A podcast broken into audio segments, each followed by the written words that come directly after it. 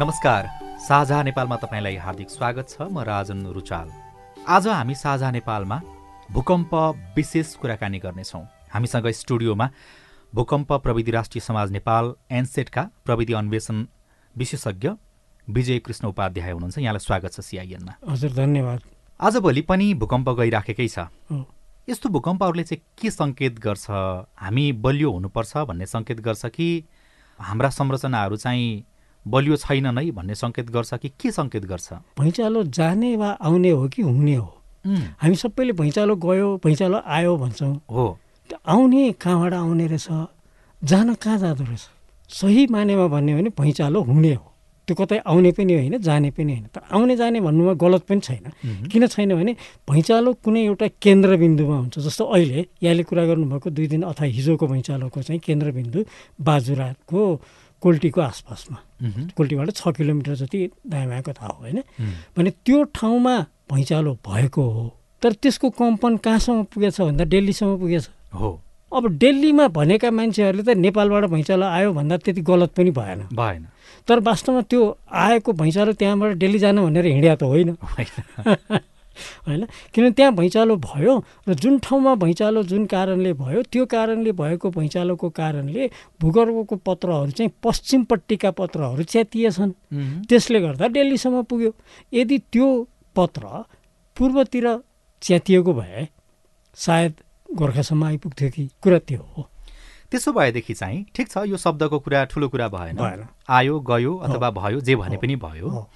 नेपालका घरहरूको कुरा गर्दाखेरि चाहिँ हजुर। संरचनाको कुरा गर्दाखेरि चाहिँ भूकम्प आफैले त भत्काउँदै हिँड्ने त होइन। होइन। त्यो बलियो बनायो भनेदेखि त भत्किँदैन। थेग्न सक्ने बनायो भनेदेखि त होइन। कम्पन थेग्न सक्नु पर्यो। हाम्रा। घरहरू चाहिँ बलियो छन् कि कमजोर छन्? अब अहिले भनिरहँदाखेरि चाहिँ हाम्रा घरहरू जुन जुन किसिमका घरहरूलाई हामीले अहिले कुराकानी गरिरहेछौँ ती चाहिँ कमजोर नै छन्। कमजोर नै छन्। तर एउटा अर्को यथार्थ के हो भने फेरि हाम्रो मौलिक निर्माण प्रविधि चाहिँ भैँचालो थेग्ने नै हो। त्यो मौलिकतिर एकछिनमा छिरौँला। पूर्वतिरका घरहरू चाहिँ अलिकति बलियो भयो कि यसपटक? किनकि बहत्तरको भूकम्पले भत्काएका घर अनि बनेका हुन् नि त। अँ, भूकम्प पछि बनेका घरहरू पक्कै पनि बलिया भए होइन? तर त्योभन्दा अगाडि बनेका घरहरू पनि बाँकी छन् नि त। तिनीहरू चाहिँ कमजोर नै हुन सक्छन्। तिनीहरू चाहिँ कमजोर नै हुन सक्छन्। उता पश्चिमतिरको घरहरू चाहिँ? पश्चिमतिरको नि सरसर्ती हेर्दाखेरि चाहिँ जस्तो अब जति ठाउँमा म पुगेको छु जति ठाउँमा पुगेको छु जति ठाउँमा चाहिँ निर्माण पद्धतिको कुराहरूलाई मैले बिस्तारै निहालेको छु त्यो हेर्दाखेरि भूकम्प थेक्ने चाहिँ छैनन्। त्यो मानेमा कमजोर छन्। अरू कुराको लागि बलियो होला। बाढीको लागि बलियो होला अथवा भुरी बतासका लागि बलिया होलान् अथवा आगलागी कम हुने होला तर भैँचालोको लागि चाहिँ बलियो छैन। अब हाम्रो घरहरूको कुरा गर्दाखेरि चाहिँ दुई प्रकारका घरहरू। एउटा परम्परागत शैलीका जो पहाडमा बढी छन् होइन गाउँ केन्द्रित छन्। अर्को चाहिँ सहरिया घरहरू जो आधुनिक किसिमका पिलरवाला घरहरू। सामान्य हिसाबले बुझ्दाखेरि कुन चाहिँ घर बढी बलिया? अब यो चाहिँ दोधारे प्रश्न हो। प्राविधिक हिसाबले हेर्दाखेरि सही प्रविधिले बनेको घर छ भनेदेखि ढुङ्गा माटोले बनेको पनि भूकम्प थेक्ने हुनसक्छ सही प्रविधि अप्नाइएको छैन भने सिमेन्ट र छड प्रयोग गर्दैमा त्यो घर भैँचालो थेक्ने हुन्छ भन्ने जरुरी छैन। त्यसको उदाहरण त हामीले बहत्तर सालको भैँचालोमा प्रशस्त देख्यौँ नि त। त्यो चाहिँ अलिकति बलियो धक्का थियो। हो अहिलेको धक्का जुन बाजुरामा गयो अथवा दुई महिना अगाडि डुटीमा गयो ती धक्काहरूले चाहिँ आरसिसी अथवा सिमेन्ट प्रयोग भएका घरहरू त्यति क्षति भएनन् होला। तर यसको माने ती घरहरू भैँचालो थेक्न सक्ने छन् भन्ने चाहिँ होइन।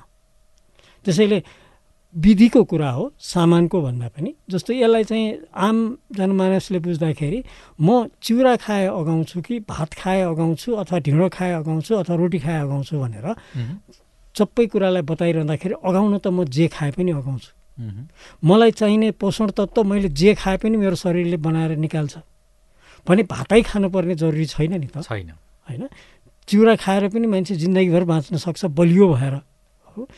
त्यसै त्यस्तै गरिकन कमजोर निर्माण सामग्रीको पनि विधि अप्नाएर बनाएको छ भने एउटा हदसम्म त्यसले भैँचालो थेक्ने बन्छ। र बलिया निर्माण सामग्रीहरूले बनाएको भन्दैमा त्यो विधि पुगेन भने त्यो चाहिँ झन् घातक हुनसक्छ किनभने साना हाम्रा मौलिक घरहरूमा त एक परिवार दुई परिवार बस्नुहुन्छ। एक तला दुई तला तिन तलाभन्दा अग्लो त भेटिन्न नि त तपाईँले जहाँको कुरा गर्नुभयो त्यहाँ तला भनेको बैगले बैगल समेत बैगल समेत होइन? नभए अधिकांशको पहिलो तला अनि त्यसपछि माथिल्लो तलामा बैगल नै हो होइन? तर जब ढलान गरेर बनाउन थाल्यो अनि तला बढ्यो। भनेपछि मान्छे धेरै बसे। हो अब धेरै मान्छे बसेको घर भत्किँदा धेरै मान्छेलाई क्षति हुन्छ कि थोरै मान्छे बसेको घर भत्किँदा धेरै हुन्छ? एउटा त्यो कुरा। अर्को कुरा के हो भने कथन कदाचित भूकम्पले घर लडाइहाल्यो अरे भने पनि ढुङ्गा माटोले काठले बनेका घरहरू त हातै कुटो कोदालोले त्यसको उद्धार गरेर घाइते भएका मान्छे निकाल्न तत्काल सकिन्छ नि त। अझ काठले बनेको घरमा त त्यत्रो ठुलो क्षति नहुन पनि सक्छ। हुँदैन पनि। नहुन सक्छ होइन हुँदैन नै। होइन? भनेपछि तपाईँले ढलान गरेका घरहरू चाहिँ भत्किहाल्यो र तिनले चाहिँ मान्छे किचियो भने त अब त्यहाँ त एकदमै भनौँ न एकदमै यान्त्रिक उपकरण बिना सम्भव हुन्छ त। मान्छेलाई बाँच्ने कुरा पनि त्यो अस्ति पोखरामा प्लेन क्रास भएको थियो नि होइन? जस्तो कि गाडी दुर्घटना भयो भनेदेखि चाहिँ बाँच्ने सम्भावना त हुनसक्छ नि हुन्छ तर प्लेन क्रास भए पछाडि त। अब यो पनि त्यस्तै हो। दुर्घटना भनेको त दुर्घटना नै हो होइन? दुर्घटना सतहमा नि हुन्छ। सवारी साधनमा पनि हुन्छ हवाई साधनमा पनि हुन्छ होइन? सतही साधनमा चाहिँ के भने हामी बाँच्न सक्ने सम्भावना बढ्दा देख्छौँ हामी। हवाईमा देखिँदैन होइन? तर दुर्घटना रोक्ने तरिका त फेरि प्रविधि हो नि त। हो। होइन? त्यस्तै यो घर बनाउँदा पनि सही प्रविधिले बनाउँदाखेरि हामीले कमजोर निर्माण सामग्रीबाटै पनि भूकम्प थेक्ने घर बनाउन चाहिँ सकिन्छ। अहिले घर कस्तो बनाउने भनेर छलफल गरौँला होइन? त्योभन्दा अगाडि चाहिँ तपाईँको कपाल फुलिसक्यो त्यो सायद अनुभवले नै फुलेको हो कि? कति वर्ष तिसौँ वर्ष भइसक्यो नि त यसरी तपाईँले घर बलियो बनाउनुपर्छ भन्दै हिँड्नु भयो होइन? ठाउँ ठाउँमा पुग्नु भयो। भयो भयो तिस वर्ष भयो। अनि त्यो भइसके पछाडि चाहिँ मान्छेहरूले आफू बस्ने संरचना आफू सुरक्षित हुने कुरा त्यस्तो कुरामा हेलचेक्राइ चाहिँ किन गर्छन् होला कि? यस्तो छ।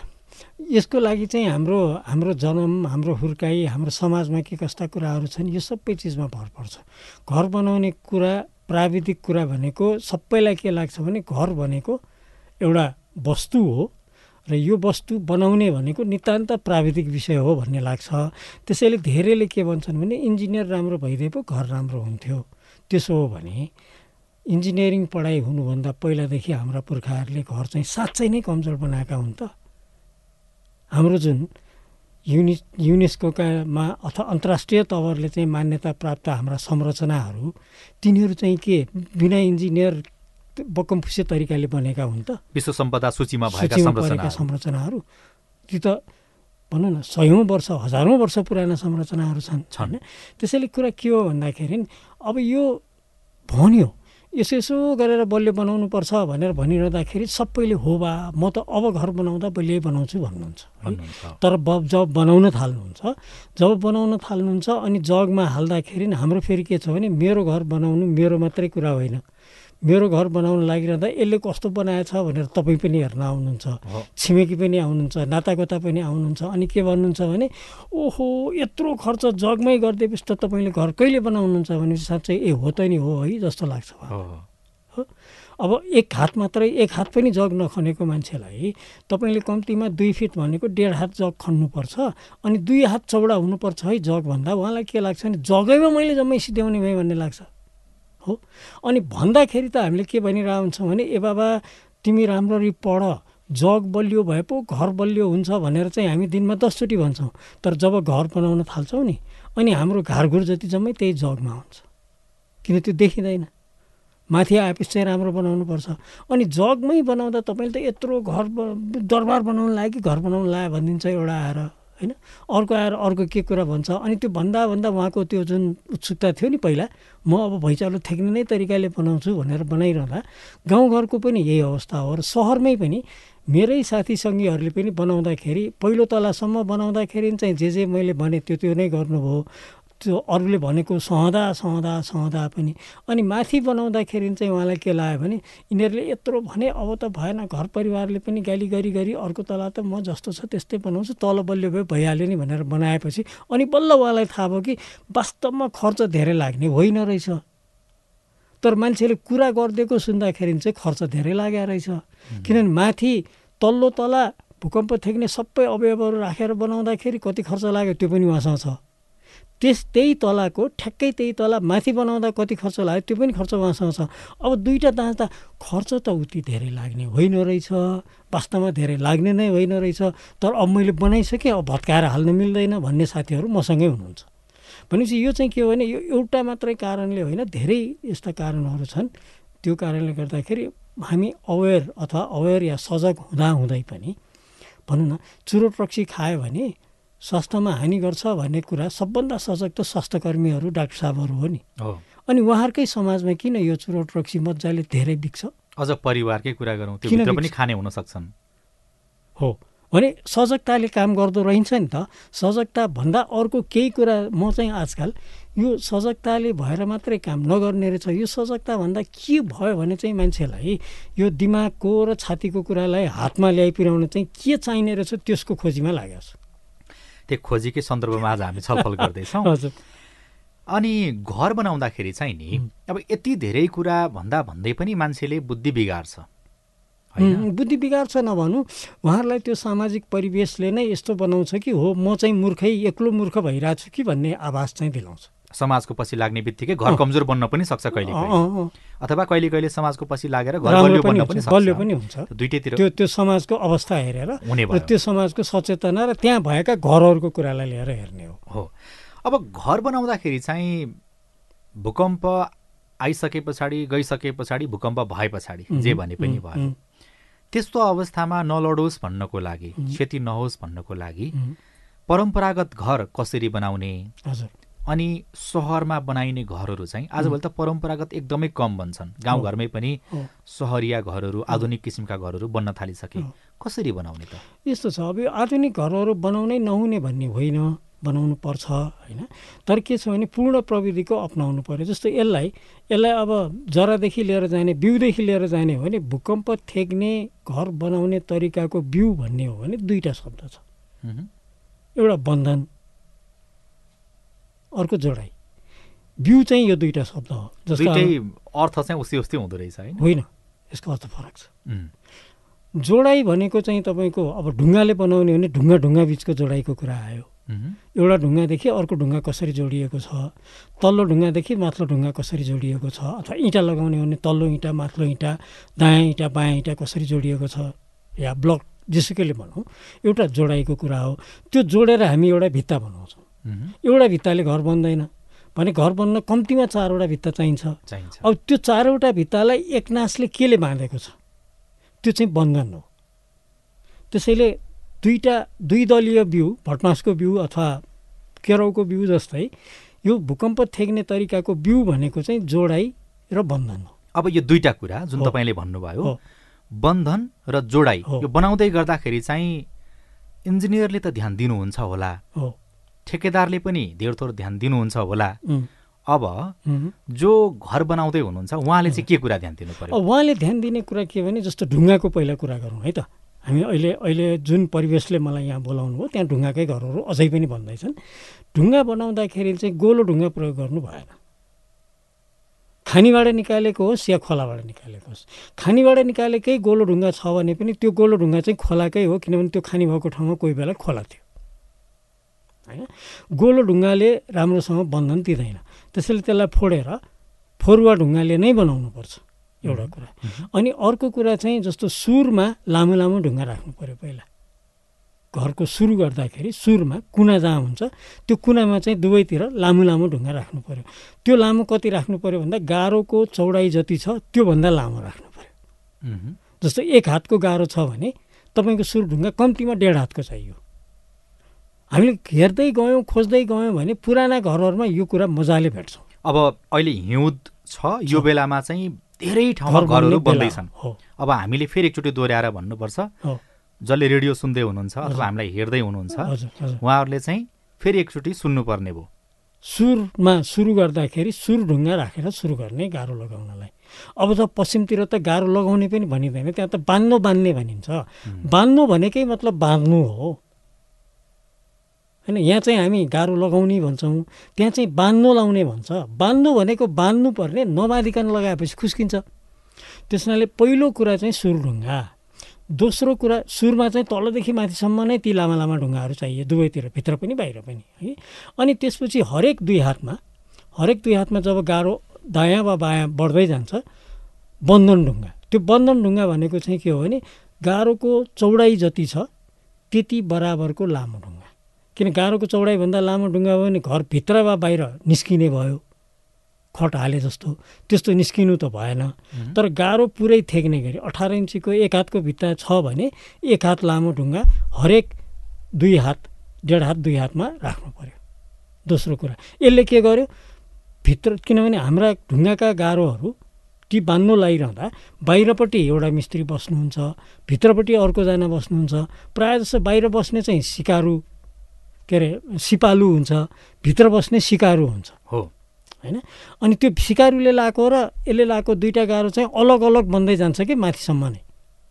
अनि त्यसपछि के हुन्छ जब भैँचालो आएर जमिन हल्लिन्छ नि त्यसपछि रोटीको पाप्रा उक्से जस्तै भित्रको पाक्रा भित्रपट्टि खस्ने बाहिरको पाप्रा बाहिरपट्टि खस्ने हुन्छ। है? कतिपय ठाउँमा हामीले भुँडी बोकेको भित्ता भन्छौँ त्यो बाहिर निक्लेको वाक्क बाहिर निक्लेको भित्ताहरू पनि भेटिन्छ। पुराना पुरानो घरहरूमा यसो हेऱ्यो भने देखिन्छ। देखिन्छ। देखिन्छ। त्यसको कारण चाहिँ के हो भने त्यो हेर्ने बित्तिकै हामीलाई के लाग्यो भने सुरडुङ्गा चाहिँ राखेको रहेछ तर बन्धन ढुङ्गाको मात्रा पुगेको रहेछ भन्ने थाहा हुन्छ। होइन? अनि त्यसपछि दुईवटा त्यो भित्र बस्ने सिकारु बस्ने र सिपालु बस्नेको बिचमा जुन डुँड जस्तो खाल्टो बन्छ नि त्यहाँ चाहिँ फेरि हामी ढुङ्गा माटो भर्छौँ। हो। होइन? त्यहाँ पनि सकेसम्म ठुला ढुङ्गाहरू भित्री गाह्रो र बाहिर गाह्रोलाई बान्ने गरिकन राख्न सकियो भने अनि त्यो बलियो हुँदै आउँछ। है? यसरी हामीले हरेक डेढ दुई हातमा त्यो राख्दै गयौँ। र उचाइमा पनि जब दुई हात गाह्रो माथि आइसक्यो अथवा डेढ हात गाह्रो माथि आइसक्यो भनेपछि अब फेरि ती बन्धन ढुङ्गाहरू चाहिँ तल जहाँ जहाँ राखेको थियो। त्यस्तै त्यस्तै गरिकन हरेक दुई हातमा राख्दै लानु पऱ्यो है अब जब जब झ्याल वा ढोका राख्ने ठाउँ आउँछ झ्याल र ढोका राख्दाखेरि हाम्रो पहिलादेखिको चलन के हो भने भित्रपट्टि एउटा चौकोस बाहिरपट्टि एउटा चौकोस। अनि त्यो दुईवटा चौकोसलाई कस्ने गरिकन ठाउँ ठाउँमा कम्तीमा तिनवटा आग्ला। त्यो राख्नुको मतलब के हो भने अर्को फाट्ने ठाउँ भनेको कुना फाट्नलाई चाहिँ हामीले सुर ढुङ्गाले बन्द गऱ्यौँ। अब झ्याल ढोकामा पनि सुर बन्छ नि त। हो। होइन जस्तो यो झ्यालको यतापट्टि सुर बन्छ अनि जहाँ त्यो पाल छ त्यहीँबाट चर्किन सुरु हुन्छ। हामीले घरहरू हेऱ्यौँ भने झ्यालबाट चर्केका घरहरू थुप्रै देख्छौँ। त्यो नचर्कोस् भन्नको लागि चाहिँ यो काठको फ्रेम हालेको हो अथवा चौकोस भित्री चौकोस र बाहिरी चौकोस। अनि त्यसको दुइटामा आग्लो पनि हालेको है। अनि त्यसपछि अर्को कुरा त्यहाँ हुन्छ फेरि सुरबन्धनको कुरा हुन्छ। त्यो सुरबन्धन भनेको चाहिँ के भने काठको तिन कुने भर्याङ जस्तो बनाएर अब यो उसमा यो सुनेर त बुझिँदैन होइन? गाह्रोको लम्बाइतिर पनि गाह्रोको चौडाइ बराबर र गाह्रोको चौडाइतिर कोठाको चौडाइतिर पनि गाह्रोको दोबर बराबरको चाहिँ दोहोर हो। बन्धन जस्तो सुरमा राख्ने सुरबन्धन बनाएर त्यहाँ राख्नुपर्छ। र त्यो सुरबन्धन चाहिँ कति ठाउँमा के देखिन्छ भने तपाईँले पनि याद गर्नुभयो होला तपाईँले ओखलडुङ्गा भन्नुभयो मेरो घर। त्यस्तै गरिकन बाजुरामा बझाङमा जहाँसुकै पनि कुनामा शिखा हुन्छ एउटा। यो घैँटो अथवा पोका पन्तेरा भण्डारणको लागि राख्ने होइन। त्यो बनाएकै त्यही कुना बन्धनले हो। त्यो शिखा बनेकै त्यही कुना बन्धनबाट बनेको हो। त्यस्ता कुना बन्धनहरू पनि ठाउँ ठाउँमा राख्नुपर्छ र त्यही किसिमको बन्धन यो झ्यालको बिचमा पर्ने गरिकन एउटा राख्नुपर्छ। ढोकामा छ भने धेरै अग्लो ढोका भए दुईवटा नभए एउटा राखे पुग्छ दुवैतिर। जस्तो अब तपाईँले भन्नुभयो यो सुनेर त बुझ्ने कुरा होइन भनेर तर पनि मिस्त्रीहरूले सुन्दै हुनुहुन्छ उहाँहरूले। त पुरानो मिस्त्रीहरूले सुन्नुभयो भने मजाले यही भने यो त हामीले राख्ने भने त भने हामी गरिरहेको हो नि भन्नुहुन्छ उहाँले। अनि? गरिरहेकै हो। अब अहिले नगर्नुको कारण दुई तिनवटा छ। अहिले नगर्नुको कारण दुई तिनवटा के छ भन्दाखेरि एउटा हामीलाई काठ सहजै पाइँदैन। अनि ढुङ्गाको भित्तामा अथवा ढुङ्गे घरमा लगाउने काठ त ढुङ्गा जति टिक्छ त्यति नै टिक्ने काठ चाहियो नि त। हो। होइन? हामीले काठ चाहिँ कमजोर काठ राख्यौँ भने के हुने भयो त? केही वर्षमा त्यो धुलिएर जान्छ। किरा लागेर जान्छ। त्यसैले काठ बलियो काठको उपलब्धता नभएको कारणले काठ राख्नु र नराख्नु केही छैन भनेर पनि राख्न छोडिएको हो। अर्को कुरा के हो भने बलियो काठ हुनको लागि साल नै चाहिन्छ सिसौ नै चाहिन्छ भन्ने जरुरी छैन। है तमाम युरोपमा घरहरू अथवा जापानमा सबै काठका घर बनेका काठका घरहरू चाहिँ कुनै पनि यो सारो काठको बने हुँदैन कुकाठकै बनाएको हुन्छ। तर त्यो कुकाठलाई यसरी उनीहरूले चाहिँ भनौँ न त्यसलाई उपचार गरेको हुन्छ कि त्यसमा किरा पनि लाग्दैन त्यसलाई चाहिँ ढुल्यान पनि हुँदैन किनभने त्यसको हुने आर्द्रता पनि निश्चित मात्रामा तोकिएर बनाएको हुन्छ। त्यसरी त्यसलाई चाहिँ सिजनिङ गरेको भन्छौँ हामीले र हाम्रो परापूर्व कालमा पनि घर बनाउनु पर्छ भनेपछि मेरै पनि पुरानो ठाउँमा मैले सम्झिरहँदाखेरि घर बनाउने भनेको अहिलेको जस्तो तुरुन्त सुरु गरेर छ महिनामा सिद्धिने काम हुँदैन थियो। घर बनाउने भनेपछि चाहिँ यो वर्ष ढुङ्गा बटुल्ने होला। यो वर्ष कहाँ कहाँको क कसको रुख काटेर ल्याउने अनि त्यसपछि काठकोलाई चिरेर चौकोसहरू दलिनहरू बनाउने अनि तिनलाई चाङ लाएर राख्ने भने मतलब त्यो एक प्रकारको सिजनिङ गर्नु हो। अझ म अलिकति मेरो परिवेशको कुरा थपिहालेँ। जस्तो कि हाम्रोतिर चाहिँ काठलाई बलियो बनाउनको लागि भनेर केही समय जस्तो पँधेरोमा लगेर होइन त्यहाँनिर चाहिँ गाडेर राख्ने। त्यस पछाडि बर्खाको पानीमै पनि केही समय छोड्ने। त्यस्तो कुराहरू गरे। त्यसको चाहिँ अर्थ के हो अलिकति थोरै यसको एकदम सजिलो अर्थ छ। हेर्नुहोस्। जस्तो अब अध्ययनले अहिले के देखाएको छ भने कतिपय ठाउँमा कतिपय बाँसहरू फलामको डन्डीभन्दा बलियो छ तन्किने क्षमतामा। नापेर प्रमाणित भएको छ। होइन? कुनै सबै बाँस होइन। सबै बाँस कोही कोही बाँसहरू अहिले बजारमा पाउने डन्डीभन्दा बलियो छ तर तिनलाई सही मानेमा गर्नु पऱ्यो डन्डीमा खिया लाग्छ बाँसमा किरा धमिरा लाग्छ। डन्डीमा फलाम छ अक्सिजनसँग प्रतिक्रिया गरेर खिया लाग्छ। काठ बाँसमा खानेकुरा छ त्यो खानालाई धमिरा जान्छ। हो। हो? त्यो खानेकुरा हटाउने तरिका के हो त भन्दाखेरि पानीमा लगेर डुबाइदिने। ए खानेकुरा चाहिँ पानीले पानीमा घुलिएर बाहिर जान्छ। अनि जब पानीमा खानेकुरा घुलिएर बाहिर जान्छ भनेपछि किरा त्यहाँ जाँदैन। किन किरा डन्डीमा लाग्दैन नि त। किन किरालाई थाहा छ यहाँ मेरो खानेकुरा छैन भनेर। अब बाँसमा र काठमा त किरालाई खानेकुरा छ त्यही भएर ऊ जान्छ त्यहाँ। त्यस हुनाले त्यो ट्रिटमेन्ट अथवा त्यो तपाईँले भने जस्तो पँधेरामा या पानीमा डुबाउनुको अर्थ त्यो हो। तर सबैलाई एउटै तरिकाले काम गर्दैन। कसलाई कति बेर डुबाउने कसलाई कति बेर गाड्ने यो सबै चिज चाहिँ पुराना विधिमा थियो। मैले त्यही भने हाम्रो पुरानो विधिको अनुसन्धान गरेर अगाडि ल्याएर त्यसको उपदायिता अगाडि ल्याउने त कोही मान्छे नै भएन कि। पुरानो विधिको विषयमा हामी छलफल गर्दै जाउँला। अब अहिले चाहिँ फेरिएको चलन अनुसार नयाँ नयाँ घरहरू बनेका छन्। भूकम्प प्रभावित क्षेत्रमै पनि दुई हजार बहत्तर सालको भूकम्प गए पश्चात नयाँ बनेका घरहरू पनि कतिपय ठाउँमा अब प्राविधिकले जाँच पाँच त गरेको छ। यद्यपि भित्रपट्टिको गाह्रो कस्तो छ थाहा छैन हेर्नुहोस्। बाहिरपट्टि चाहिँ सिमेन्ट लगाइदिएको ढलान गरिदिएको त्यो कारणले बलियो भयो भन्ठानेको। त्यस्तो थुप्रै घरहरू छन्। त्यो त मूर्खता जोखिम पनि भयो नि होइन? यो पनि मैले अघि भने नि हाम्रो सामाजिक परिवेशमा जस्तो अब भैँचालो गयो घर खुर्क बनाउनु पाए हुन्थ्यो भनेर धेरैजना हतारिनु भयो पहिला। हामी पनि त्यसमा काम गऱ्यौँ र हामीले भन्यौँ अलिबेर धैर्य गर्नुहोस्। यो सबै विधि प्रविधि सरकारी तवरबाट आउन समय लाग्छ। त्यतिन्जेलसम्म हामीले भनेकै कुरा मानिदिएर गर्नुभयो भने पनि काम लाग्छ। हतार नगर्नुहोस् भनेका हौँ। तर हामीलाई भनिदिन सजिलो भयो उहाँहरूलाई बेहोर्न गाह्रो भयो नि त। होइन? हतार गर्नुभयो त्यो संसारले कतिले मानेर गर्नुभयो कतिले नमानिकन गर्नुभयो। अनि जब जाँच पास गर्ने बेला आयो अनि के चाहिन्छ चाहिन्छ भन्दा अघि मैले भनेको जस्तै अब झ्यालको मुनतिर एउटा पट्टी चाहिन्छ झ्यालको माथि अर्को पट्टी चाहिन्छ अनि के गरिदिने भयो भन्दाखेरि एउटा प्लास्टर गरिदिउँ न त। घर त पहिले बनाइहालेँ। अब मैले यहाँ प्लास्टर गरिदिएँ भने सबैले हेर्दा ए यहाँ पट्टी रहेछ भन्ने भयो। खोतलेर त्यहाँ डन्डी हालिया छ कि छैन भनेर कसैले नहेर्ने भयो। हेर्न थाल्यो भने बरु दुई चार पैसा दिएर उसलाई मनाउँ जाँचनीलाई। त्यो किसिमको मनस्थितिले गर्दाखेरि अहिले हामीले आफैलाई झुक्क्यायौँ जाँचपास गर्ने इन्जिनियरलाई झुक्क्यायौँ हामी सबैलाई झुक्क्यायौँ मक्ख पऱ्यो तर भुइँचालोले झुक्किँदैन। उसले आएर चाहिँ त्यहीँ हान्छ जहाँ हामीले कमजोरी गरिरहेको छ। भुइँचालोले फेरि तपाईँलाई झुक्क्याउँछ? झुक्क्याउँदैन। उसले कसैलाई झुक्क्याउँदैन उसले त गर्ने काम गर्छ। त्यही त झुक्क्याउने पार्न सक्छ। कसैलाई पक्षपात गर्दैन। झुक्क्याएको भएन नि त्यो त। त्यो उसले गर्ने काम गरे हो। गरे हो। ठिक हो। किन उसको उसको प्रकृति नै त्यही हो उसको गुण नै त्यही हो त्यही गर्छ उसले। होइन? हामीले मान्छेलाई झुक्क्याउँछौँ आफूलाई झुक्क्याउँछौँ तर भैँचालोलाई झुक्क्याउन सक्दैनौँ। त्यस कारणले चाहिँ अब जति घरहरू बनिसके बनिसके थुप्रै मान्छेहरूले नयाँ घर पनि बनाउनुहुन्छ त्यसमा चाहिँ सजग हुनु पर्यो। एकदम अब पुरानो घरहरू जसको पनि त उपदयता छ बस्नुपर्छ होइन? कतिपयको निकै पुरानो घर होला कतिपयले भर्खर भर्खर बनाउनु भएको जे जस्तो भए पनि उहाँहरूले घर बनाइसक्नु भयो त्यही घरलाई बलियो बनाउने तरिका चाहिँ हुँदैन? छ। कसरी? छ। जस्तो के हो भन्दाखेरि त्यो घरलाई बलियो पार्नको लागि अघि नै पनि मैले भने अरू कामका लागि त्यो घर बलियो होला। होइन? न्यूनतम काठ प्रयोग गरेको छ भने आगलागीबाट नि त्यो घर सुरक्षित होला। होइन? अघि तपाईँले भने जस्तो माथि चाहिँ पुरै काठ तल चाहिँ न्यूनतम काठ भने पनि माथि आगलागी लाग्ने सम्भावना भयो नि त होइन? अरू चिजले गर्दाखेरि चाहिँ अब तपाईँको पहिरो नजाने ठाउँमा बनाएको होला बाढी नजाने ठाउँमा बनाएको होला त्यसले गर्दा बाढी पहिरोबाट त्यो घर सुरक्षित भयो होइन?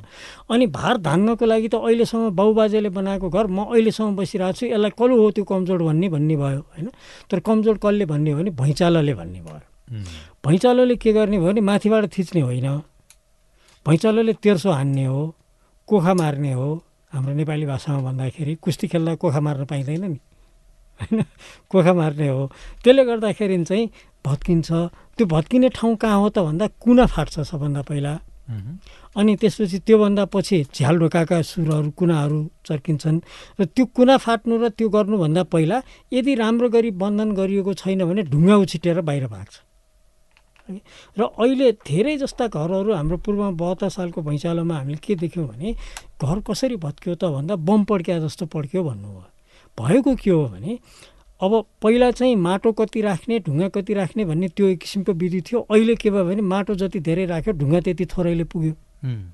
त्यसनाले प्रत्येक ढुङ्गा बिचको माटो चाहिँ जाँतोमा भएको मकै जस्तो भयो कि जब हल्लियो नि घर सिँगै घर हल्लिँदाखेरि माटोलाई चाहिँ तल र माथिको ढुङ्गाले जाँतोले मकै पिने जस्तो पिनिदियो। एक मिनटसम्म झनै झनै छप्पन्न सेकेन्ड भने त एक मिनट हो नि त। त्यतिन्जेलसम्म जाँतो चल्यो त्यहाँ। भएपछि के हो भने माटो धुलो भएर उड्यो। अनि ढुङ्गाहरू एक आपसमा ठोकिँदा कडरङ्ग बज्यो र त्यो बम पड्किया जस्तो भयो। होइन? त्यस हुनाले बन्धन र जोडाइ यो दुइटा नै हो।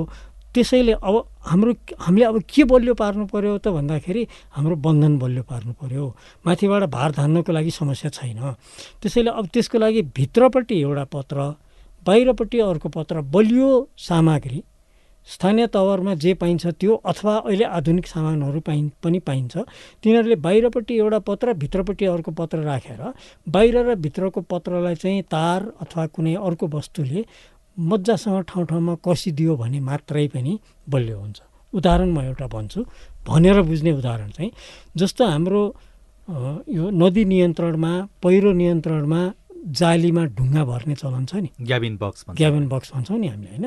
त्यो जालीमा ढुङ्गा चाहिँ हामीले पहिला जाली बनायौँ अनि ढुङ्गा भऱ्यौँ अब अहिले चाहिँ के गर्नु पऱ्यो? हामीले ढुङ्गा भरेर घर बनाइसक्यौँ। अब जाली हाल्नु पऱ्यो क्या। होइन भित्रपट्टि एउटा जाली हाल्नुहोस् बाहिरपट्टि एउटा जाली हाल्नुहोस् हो?